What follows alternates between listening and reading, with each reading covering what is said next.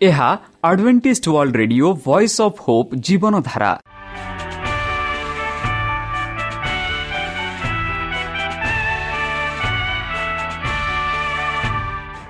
Odia radio କାର୍ଯ୍ୟକ୍ରମ ଯାହା ଆମର ଆନ୍ତର୍ଜାତୀୟ ଆଘାତ କେନ୍ଦ୍ରରୁ ପ୍ରସାରଣ କରାଯାଉଛି ପ୍ରତିଦିନ ରାତି ନଅଟା ତିରିଶ ମିନିଟ୍ରେ। ମୁଁ ସୁବ୍ରତ କୁମାର ପତି ପ୍ରେମର ସହ ଆପଣମାନଙ୍କୁ ଏହି କାର୍ଯ୍ୟକ୍ରମକୁ ସ୍ୱାଗତ କରୁଅଛି। ଚାଲନ୍ତୁ ଆଜିର ତିରିଶ ମିନିଟ୍ର କାର୍ଯ୍ୟକ୍ରମ ବିଷୟରେ ଜାଣିନେବା। ପ୍ରଥମେ ରଖିଛୁ ଆଧ୍ୟାତ୍ମିକ ଭକ୍ତିମୟ ଗୀତ।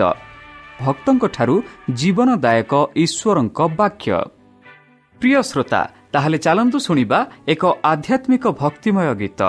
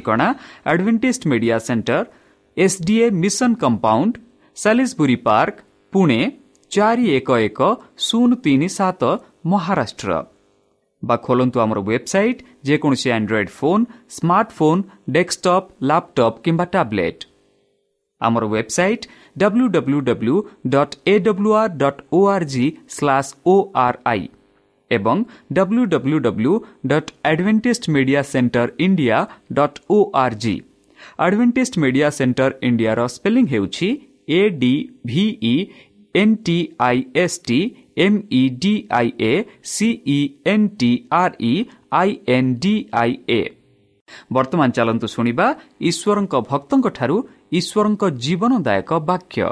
ଶରୀରର ଯତ୍ନ କାର ସ୍ୱାସ୍ଥ୍ୟ।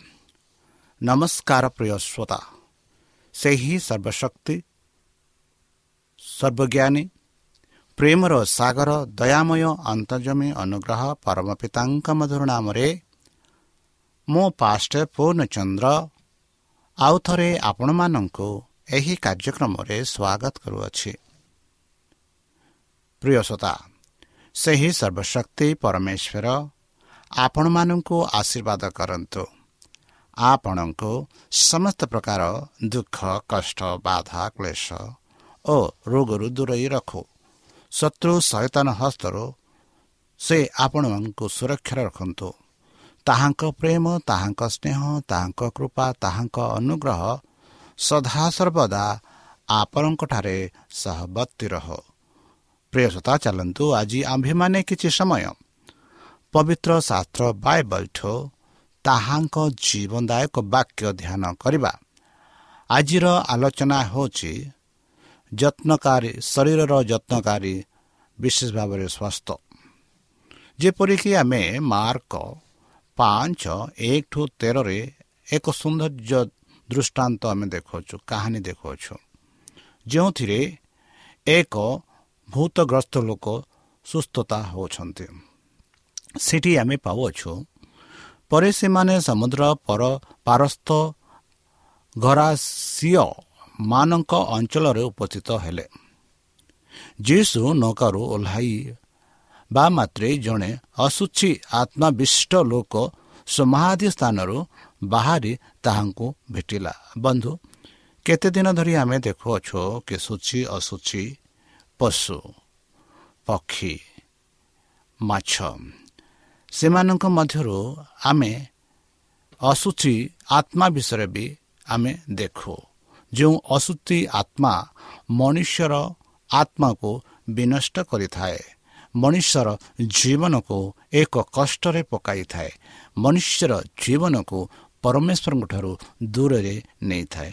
ଆଉ ସେହିପରି ଆମେ ଦେଖୁଅଛୁ ଯୀଶୁ ନୌକାରୁ ଓହ୍ଲାଇବା ମାତ୍ରେ ଜଣେ ଅଶୁଚି ଆତ୍ମବିଷ୍ଟ ଲୋକ ସମାଧି ସ୍ଥାନରୁ ବାହାରି ତାହାଙ୍କୁ ଭେଟିଲା ବୋଲି ଆମେ ପାଉଅଛୁ ସେ ସମାଧି ସ୍ଥାନରେ ବାସ କରୁଥିଲା ସେହି ଅଶୁଚି ବ୍ୟକ୍ତି ଯାହାର ଶରୀରରେ ସୈତାନ ସେହି ଅଶୁଚି ଆତ୍ମା ଥିଲା ସେ ସେହି ସମାଧି ସ୍ଥାନରେ ବାସ କରୁଥିଲା ଆଉ ଯେବେ ଯୀଶୁ ପ୍ରଭୁ ସେହି ସ୍ଥାନକୁ ଆସିଲେ ଆଉ ସେହି ସମାଧି ସ୍ଥାନରୁ ସେହି ଅଶୁଚି ଆତ୍ମବଷ୍ଟି ଲୋକ ସେହି ସମାଧିରୁ ବାହାରକୁ ଆସିଲା ବୋଲି ଆମେ ପାଉଅଛୁ। ସେ ସମାଧି ସ୍ଥାନରେ ବାସ କରୁଥିଲା ସେହି ବ୍ୟକ୍ତି ସମାଧି ସ୍ଥାନରେ ବାସ କରୁଥିଲା।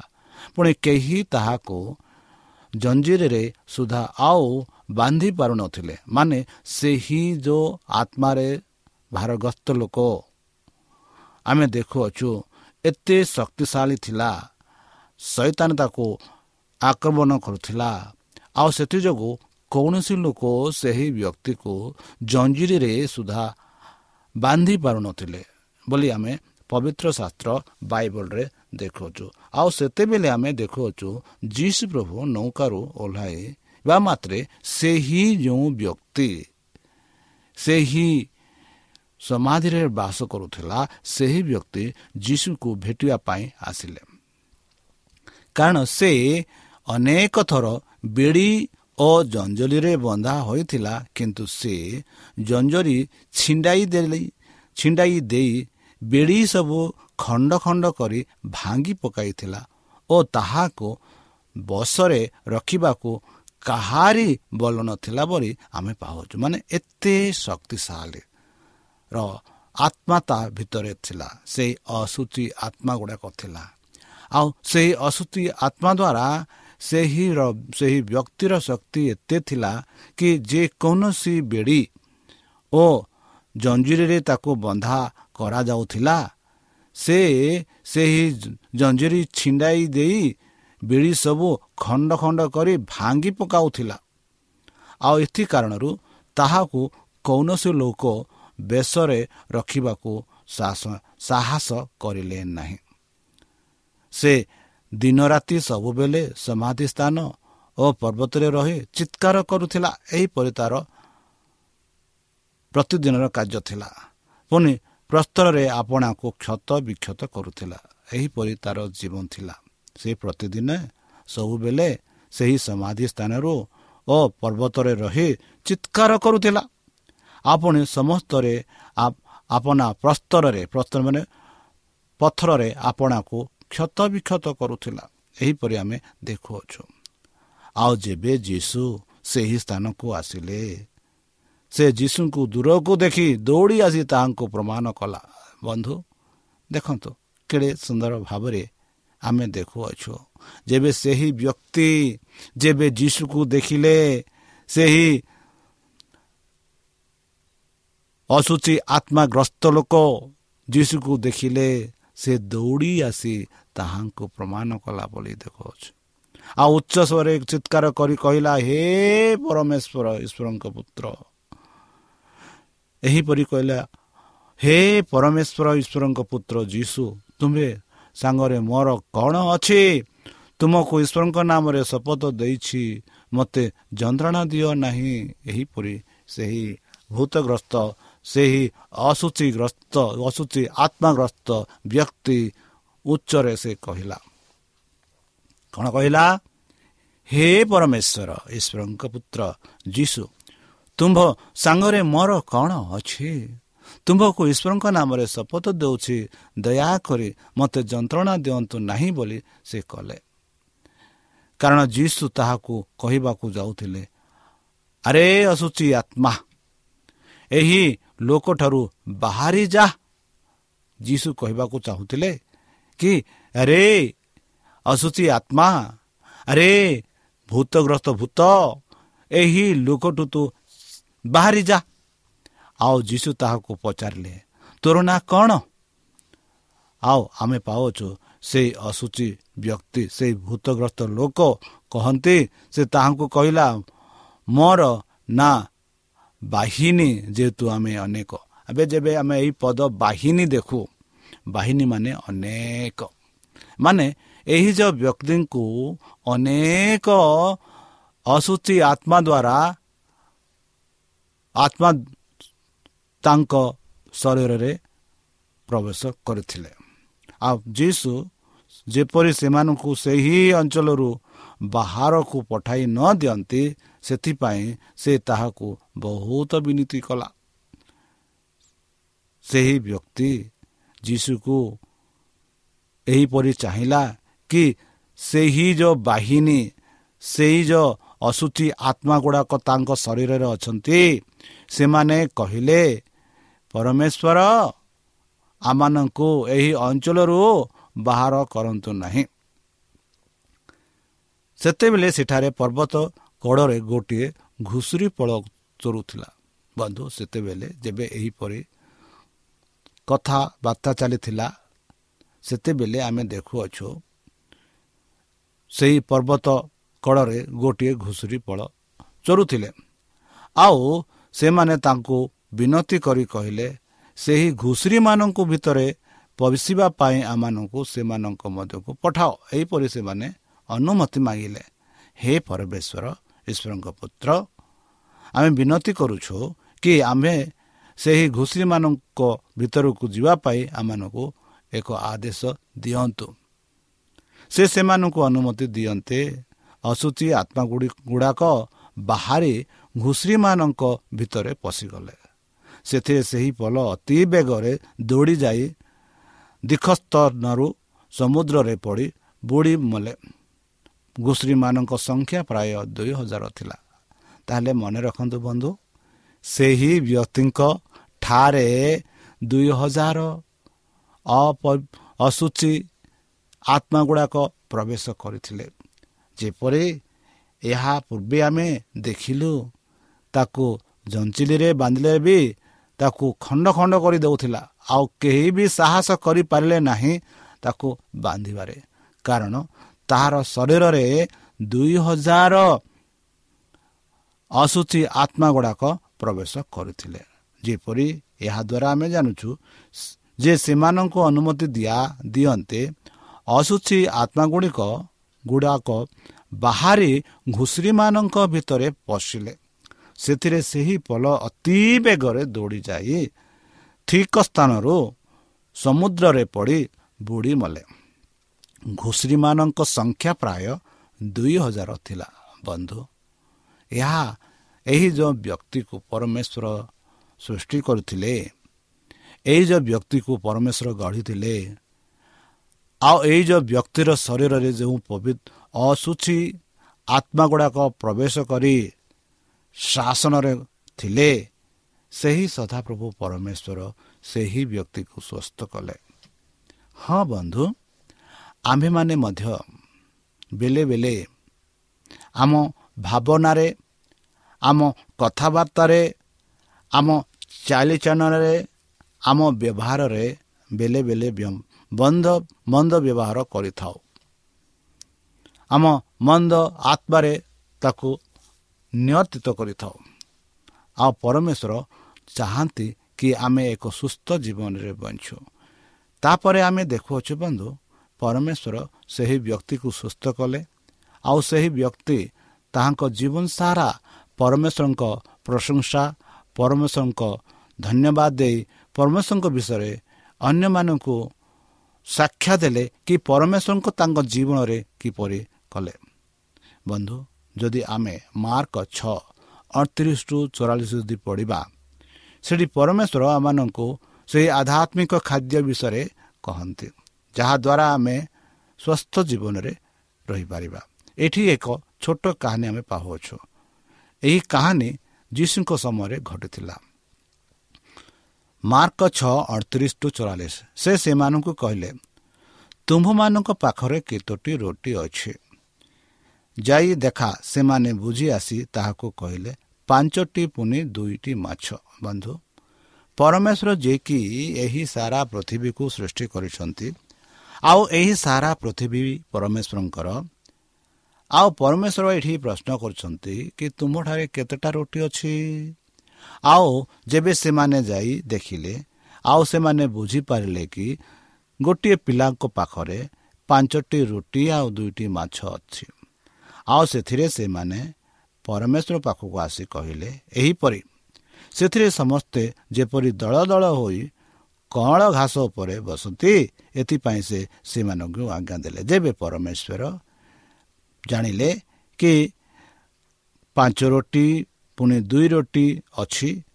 ସେତେବେଳେ ପରମେଶ୍ୱର ଯେତେ ସମୂହ ଥିଲେ ସେମାନଙ୍କୁ ଆଦେଶ ଦେଲେ ତାଙ୍କ ଶିଷ୍ୟମାନଙ୍କ ଦ୍ୱାରା ଦଳ ଦଳ ହୋଇ ସେହି କଅଁଳ ଘାସ ଉପରେ ବସନ୍ତୁ। ଏଥିପାଇଁ ସେ ସେମାନଙ୍କୁ ଆଜ୍ଞା ଦେଲେ। ତହିଁରେ ସେମାନେ ଶହେ ଶହେ ଶହ ଶହ ଓ ପଚାଶ ପଚାଶ ଜଣ କରି ଦଳ ଦଳ ହୋଇ ବସିଲେ। ପରେ ଯୀଶୁ ସେହି ପାଞ୍ଚଟି ରୁଟି ଦୁଇଟି ମାଛ ଘେନି ସ୍ୱର୍ଗ ଆଡ଼େ ଉର୍ଦ୍ଧସ୍ତୁତି କରି ଆଶୀର୍ବାଦ କଲେ ଓ ରୁଟିଗୁଡ଼ିକ ଭାଙ୍ଗି ଲୋକମାନଙ୍କୁ ପରିବେଷଣ କରିବା ନିମନ୍ତେ ଶିଷ୍ୟମାନଙ୍କୁ ଦେବାକୁ ଲାଗିଲେ। ପୁଣି ସେହି ଦୁଇ ମାଛ ସେ ସମସ୍ତଙ୍କ ମଧ୍ୟରେ ଭାଗ କରିଦେଲେ। ସେଥିରେ ସମସ୍ତେ ଭୋଜନ କରି ତୃପ୍ତ ହେଲେ। ଆଉ ସେମାନେ ଭଙ୍ଗା ରୁଟି ଉଠାଇବାର ଉଠାଇ ବାର ଟୋକରା ଟୋକାଇ ଭର୍ତ୍ତି କଲେ ଏବଂ ମାଛରୁ ମଧ୍ୟ କିଛି କିଛି ଗୋଟାଇଲେ ରୁଟି ଖାଇବା ଲୋକମାନେ ପାଞ୍ଚ ହଜାର ପୁରୁଷ ଥିଲେ ବନ୍ଧୁ ଆମେ ଯେପରିକି ବର୍ତ୍ତମାନ ଶିକ୍ଷା କରୁଛୁ ସୂଚି ଅଶୁଚି ପରମେଶ୍ୱର ଯିଏକି ସ୍ୱର୍ଗର ରୁଟି ପରମେଶ୍ୱର ଯେବେ ସେହି ରୁଟିକୁ ଛୁଇଁଲେ ପରମେଶ୍ୱର ଯେବେ ସେ ରୁଟି ପାଇଁ ପ୍ରାର୍ଥନା କଲେ ଯେପରି ଏହି କାହାଣୀ ଦ୍ୱାରା ଆମେ ଜାଣୁଅଛୁ କି ପରମେଶ୍ୱର ଯେବେ ସେହି ପାଞ୍ଚ ରୁଟି ଦୁଇ ମାଛ ବିଭାଗ କରି ସେହି ଲୋକମାନଙ୍କୁ ଦେଲେ ଆଉ ସେ ସମୟରେ ଖାଲି ପୁରୁଷମାନେ ଥିଲେ ପାଞ୍ଚ ହଜାର। ପୁଅ ଝିଅ ସ୍ତ୍ରୀମାନଙ୍କୁ ଛାଡ଼ି ପାଞ୍ଚ ହଜାର। ହେଲେ ମନେ ରଖନ୍ତୁ ହୋଇପାରେ ପନ୍ଦର ହଜାର। ସେହି ପନ୍ଦର ହଜାର ଲୋକମାନଙ୍କୁ ପାଞ୍ଚଟି ରୁଟି ଦୁଇଟି ମାଛରେ ସେମାନେ ଯଥେଷ୍ଟ ଖାଇଲେ ତାହିଁ ନୁହେଁ। ସେମାନେ ବାର ଟୋକେଇ ରୁଟି ଗୋଟେଇ ଆଉ କିଛି ମାଛ ଗୋଟେଇଲେ ବୋଲି ଆମେ ଦେଖୁଅଛୁ। ବନ୍ଧୁ ପରମେଶ୍ୱର ଯିଏକି ଏମାନଙ୍କୁ ସ୍ୱସ୍ଥ ଜୀବନ ରହିବା ପାଇଁ କହୁଅଛନ୍ତି ପରମେଶ୍ୱର ଯିଏକି ଏମାନଙ୍କୁ ସୂଚି ଅଶୁଚି ଭିତରେ ଫରକ ରଖିବା ପାଇଁ କହୁଛନ୍ତି। ସେହି ପରମେଶ୍ୱର ଯେବେ ଆମେ ସୂଚି ବିଷୟ ଖାଇବା ପାଇଁ ଆମେ ଚାହୁଁଛୁ ପରମେଶ୍ୱର ସେହି ପରମେଶ୍ୱର ଆମମାନଙ୍କୁ ଯୋଜନା କରାଇବେ। ବନ୍ଧୁ ଆମେ ଯଦି ମାର୍କ ଆଠ ପାଞ୍ଚ ଠୁ ନ ପଢ଼ିବା ସେଠି ଆମେ ଦେଖୁଅଛୁ ଅଳ୍ପ କେତେ ରୋଗୀ ଲୋକଙ୍କ ଉପରେ ହାତ ଥୋଇ ସେମାନଙ୍କୁ ସୁସ୍ଥ କରିବା ବିନା ସେମାନେ ସେ ସ୍ଥାନରେ ସେ ଆଉ କୌଣସି ଶକ୍ତିର କାର୍ଯ୍ୟ କରିପାରିଲେ ନାହିଁ। ବନ୍ଧୁ ପରମେଶ୍ୱର ଆମ ପରମେଶ୍ୱର ଯିଏକି ଖାଦ୍ୟ ଦ୍ୱାରା ଦ୍ରବ୍ୟ ଦ୍ୱାରା ମାଂସ ଦ୍ୱାରା ଆମମାନଙ୍କୁ ସୂଚି ରହିବା ପାଇଁ କହୁଛନ୍ତି ଆମ ପରମେଶ୍ୱର ଯିଏକି ଆମମାନଙ୍କୁ ସୁସ୍ଥ ଜୀବନ ଦେବା ପାଇଁ ଚାହୁଁଛନ୍ତି। ଏହି ଯେଉଁ ଘଟଣା ପରେ ଆମେ ଦେଖୁ ପରମେଶ୍ୱର କେତେକ ରୋଗୀ ଲୋକଙ୍କ ଉପରେ ଆପଣ ହସ୍ତ ପ୍ରଦାନ କରି ସେମାନଙ୍କୁ ସୁସ୍ଥ କଲେ। ଆଉ କୌଣସି ଶକ୍ତିର କାର୍ଯ୍ୟ କଲା ପରେ ତାଙ୍କଠାରେ କୌଣସି ଶକ୍ତିର କାର୍ଯ୍ୟ ନଥିଲା ବୋଲି ଆମେ ଦେଖୁଅଛୁ। ପୁଣି ସେ ସେମାନଙ୍କ ଅବିଶ୍ୱାସ ହେତୁ ଚମତ୍କୃତ ହେଲେ। ବାର ଶିଶୁଙ୍କ ପ୍ରେରଣ। ବନ୍ଧୁ ଆମେ ଏଠି ସୁନ୍ଦର ଭାବରେ ଦେଖୁଅଛୁ ପ୍ରଭୁ ଯୀଶୁ କିପରି ତାଙ୍କୁ କହିଲେ ଆଉ କିପରି ରୋଗୀକୁ ସୁସ୍ଥ କଲେ। ଯେହେତୁ ସେମାନେ ସ୍ୱସ୍ଥ ଜୀବନ ଦୁଇଟି ରୁଟି ଦୁଇଟି ମାଛ ପାଞ୍ଚ ରୁଟିରେ ସେହି ପନ୍ଦର ହଜାର ଲୋକଙ୍କୁ ଖୁଆଇଥିଲେ। ଯଦି ଆମେ ଦେଖିବା ବନ୍ଧୁ ଆଉ ଗୋଟିଏ ସେହିପରି କାହାଣୀ ଯାହା ଆମେ ମାର୍କ ଆଠ ପାଞ୍ଚ ନଅରେ ପାଉଛୁ ଏଠି ପାଉଛୁ ପରେ ସେ ଚାରିଆଡ଼େ ଗ୍ରାମେ ଗ୍ରାମେ ଭ୍ରମଣ କରି ଶିକ୍ଷା ଦେବାକୁ ଲାଗିଲେ। ଇତିମଧ୍ୟରେ ସେ ଦ୍ୱାଦଶଙ୍କ ନିକଟକୁ ଡାକି ସେମାନଙ୍କୁ ଦୁଇ ଦୁଇ ଜଣ କରି ପ୍ରେରଣ କରିବାକୁ ଆରମ୍ଭ କଲେ ଏବଂ ଅଶୁଚି ଆତ୍ମାମାନଙ୍କ ଉପରେ ସେମାନଙ୍କୁ ଅଧିକାର ଦେଲେ ବୋଲି ଦେଖନ୍ତୁ ବନ୍ଧୁ ଅଶୁଚି ଆତ୍ମାଙ୍କ ବର୍ତ୍ତମାନ ଯଦି ଆମେ ସୂଚି ଭାବରେ ରହିବା ପବିତ୍ର ଭାବରେ ରହିବା ସୂଚି ଖାଦ୍ୟ ଖାଇବା ସୂଚି ମାଂସ ଖାଇବା ସୂଚି ଦ୍ରବ୍ୟ ପିଇବା ପରମେଶ୍ୱର ଆମମାନଙ୍କୁ ସୂଚି କରନ୍ତି ଯେହେତୁ ପରମେଶ୍ୱର ସୂଚି ପବିତ୍ର। ଆଉ ଏଠି ଆମେ ପାଉଅଛୁ ପରମେଶ୍ୱର ଆପଣା ଦ୍ୱାଦଶ ଶିଷ୍ୟମାନଙ୍କୁ ଡାକି ସେମାନଙ୍କୁ ଦୁଇ ଦୁଇ ଜଣ ରୂପେ ପଠାଉଛନ୍ତି ଆଉ ସେମାନଙ୍କୁ ଏହିପରି ଆଦେଶ ଦେଉଛନ୍ତି କି ତୁମ୍ଭେ ଅଶୁଚି ଆତ୍ମାମାନଙ୍କ ଉପରେ ସେମାନଙ୍କୁ ଅଧିକାର ଦେଲେ ବୋଲି ଆମେ ପାଉଅଛୁ। ଆଉ ଯାତ୍ରା ନିମନ୍ତେ କେବେ କେବଳ ଖଣ୍ଡେ ବାଡ଼ି ବିନା ରୁଟି କି ଝୋଲି କି ଖାଞ୍ଜିଆରେ ପଇସା ନ ଦେବାକୁ ସେମାନଙ୍କୁ ଆଜ୍ଞା ଦେଲେ। ବନ୍ଧୁ ପରମେଶ୍ୱର ସୂଚି ଅଶୁଚି ବିଷୟରେ ଆମମାନଙ୍କୁ ସ୍ପଷ୍ଟ ରୂପେ କହୁଛନ୍ତି। ଯେଉଁଥିରେ ଆମେ ଜାଣିବାକୁ ହେବ ଯେ ପରମେଶ୍ୱର ଆମମାନଙ୍କୁ ସୂଚି କରନ୍ତି। ପରମେଶ୍ୱର ଚାହାନ୍ତି ଆମେ ସୂଚି ରହୁ। ପରମେଶ୍ୱର ଚାହାନ୍ତି ଆମେ ପବିତ୍ର ରହୁ। ପରମେଶ୍ୱର ଚାହାନ୍ତି ଯେପରିକି ଆମେ ସ୍ୱର୍ଗରାଜ୍ୟ ଯିବା ପାଇଁ ଯୋଗ୍ୟ ହଉ।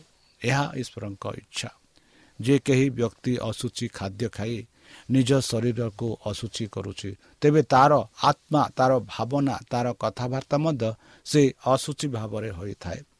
ଏଥିଯୋଗୁଁ ପରମେଶ୍ୱର ଯେବେ ଇସ୍ରାଏଲ ପ୍ରଜାମାନେ କେନେନ୍ ଦେଶରୁ ମିଶ୍ର ଦେଶରୁ କେନେନ୍ ଦେଶକୁ ଆସିବା ବେଳେ ସେହି କେନେନ୍ ଦେଶର ପ୍ରବେଶ ହେବା ପୂର୍ବେ ସେମାନଙ୍କୁ ସୂଚି ଅଶୁଚି ପଶୁ ପକ୍ଷୀ ଜଳ ବିଷୟରେ କହିଲେ। ଯେପରିକି ସେମାନଙ୍କ ଆତ୍ମା ସେମାନଙ୍କ ଭାବନା ସେମାନଙ୍କ ଚାଲିଚଳନ ସେମାନଙ୍କ କାର୍ଯ୍ୟ କାର୍ଯ୍ୟ ବ୍ୟବହାର ସମସ୍ତରେ ସେମାନେ ଏକ ପବିତ୍ର ରୂପେ ଭାବିବେ ପବିତ୍ର ରୂପେ କରିବେ ଆଉ ସୂଚି ରୂପେ ରହିବେ। ଏହା ଈଶ୍ୱରଙ୍କର ଏକ ଧାରଣା ଥିଲା। ଆଉ ସେଇଥିପାଇଁ ପରମେଶ୍ୱର ସେମାନଙ୍କୁ କହିଥିଲେ ବର୍ତ୍ତମାନ ସେହି ପରମେଶ୍ୱର ଆମମାନଙ୍କୁ କହୁଛନ୍ତି ବନ୍ଧୁ ଚାଲ ଆମେମାନେ ମଧ୍ୟ ସୂଚି ହେବା।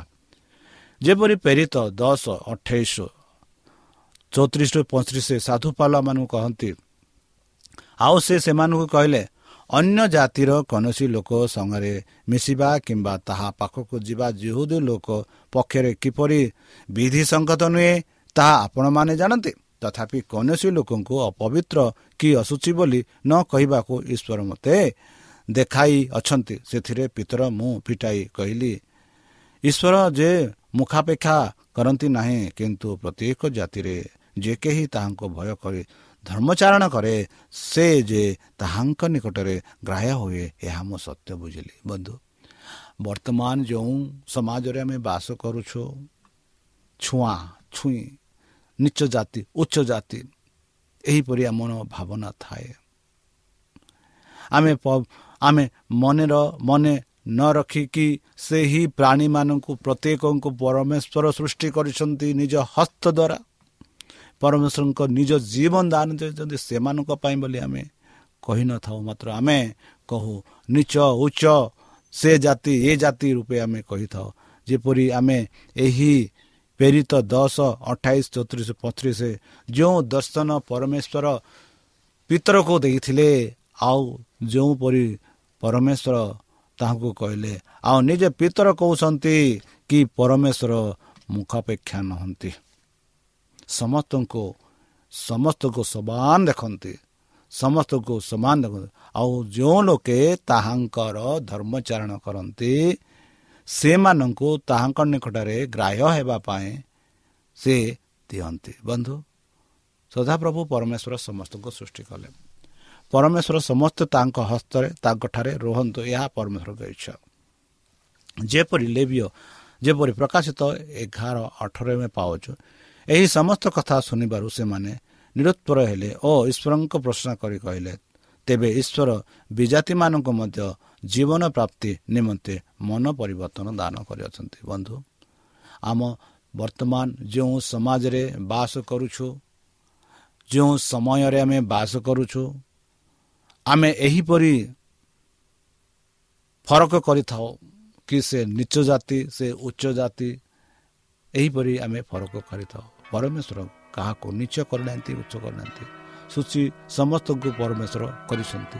ଆଉ ଯେ କେହି ତାଙ୍କ ବାକ୍ୟ ଅନୁସାରେ ସୂଚୀ ପ୍ରକାର ଖାଦ୍ୟ କାହା ଖାଆନ୍ତି ରହନ୍ତି କଥାବାର୍ତ୍ତା କରନ୍ତି ଆଉ ତାଙ୍କ ଧର୍ମଚାରଣ କରନ୍ତି ପରମେଶ୍ୱରଙ୍କ ସମ୍ମୁଖରେ ସେ ରହ ହୁଅନ୍ତି ପରମେଶ୍ୱର ସେମାନଙ୍କୁ ଗ୍ରହଣ କରନ୍ତି। ତାହେଲେ ପ୍ରିୟସତା ଚାଲନ୍ତୁ।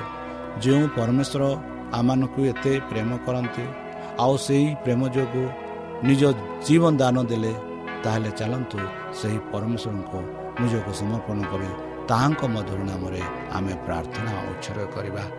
ହେ ଆମମାନଙ୍କ ସର୍ବଶକ୍ତି ସର୍ବଜ୍ଞାନୀ ପ୍ରେମର ସାଗର ଦୟାମୟ ଅନ୍ତର୍ଜମୀ ଅନୁଗ୍ରହ ପରମ ପିତା। ଧନ୍ୟବାଦ ଅର୍ପଣ କରୁଛୁ ପ୍ରଭୁ। ବର୍ତ୍ତମାନ ଯେଉଁ ବାକ୍ୟ ତୁମ ସେହି ଭକ୍ତ ଶୁଣିଲେ ସେହି ବାକ୍ୟ ଅନୁସାରେ ଆମମାନଙ୍କୁ ଚାଲିବା ପାଇଁ ବୁଦ୍ଧିରେ ଜ୍ଞାନରେ ଶକ୍ତିରେ ପରିପୂର୍ଣ୍ଣ କର। ଆମ ପାପ ସବୁ ତୁମ ସେହି ବହୁମୂଲ୍ୟ ରକ୍ତରେ ପରିଷ୍କାର ରୂପେ ଧୋଇ ଦିଅ। ଆଉ ପରିଶେଷ ଯେବେ ତୁମ୍ଭେ ତୁମ ସେହି ସହସ୍ର ଦୂତଙ୍କ ସହ ଆସିବେ ସେତେବେଳେ ଆମମାନଙ୍କୁ ଏକ ବାସସ୍ଥାନ ଦେବ ବୋଲି ତ୍ରାଣକର୍ତ୍ତା ପ୍ରଭୁ ଯୀଶୁଙ୍କ ମଧୁରମୟ ନାମରେ ଏହି ଛୋଟ ବିକ୍ଷମ ଅଛୁ ଶୁଣି ଗ୍ରହଣ କର।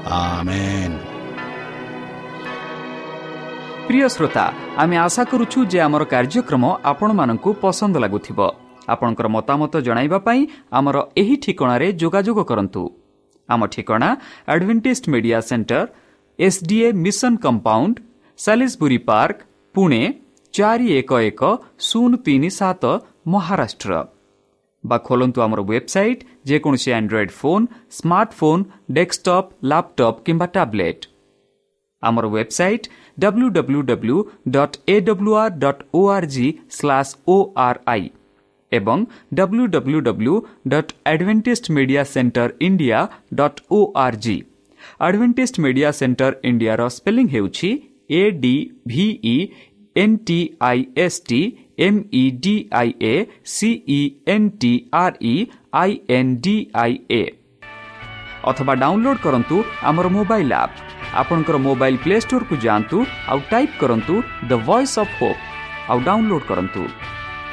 ଈଶ୍ୱର ଆପଣଙ୍କୁ ଆଶୀର୍ବାଦ କରନ୍ତୁ। ଧନ୍ୟବାଦ।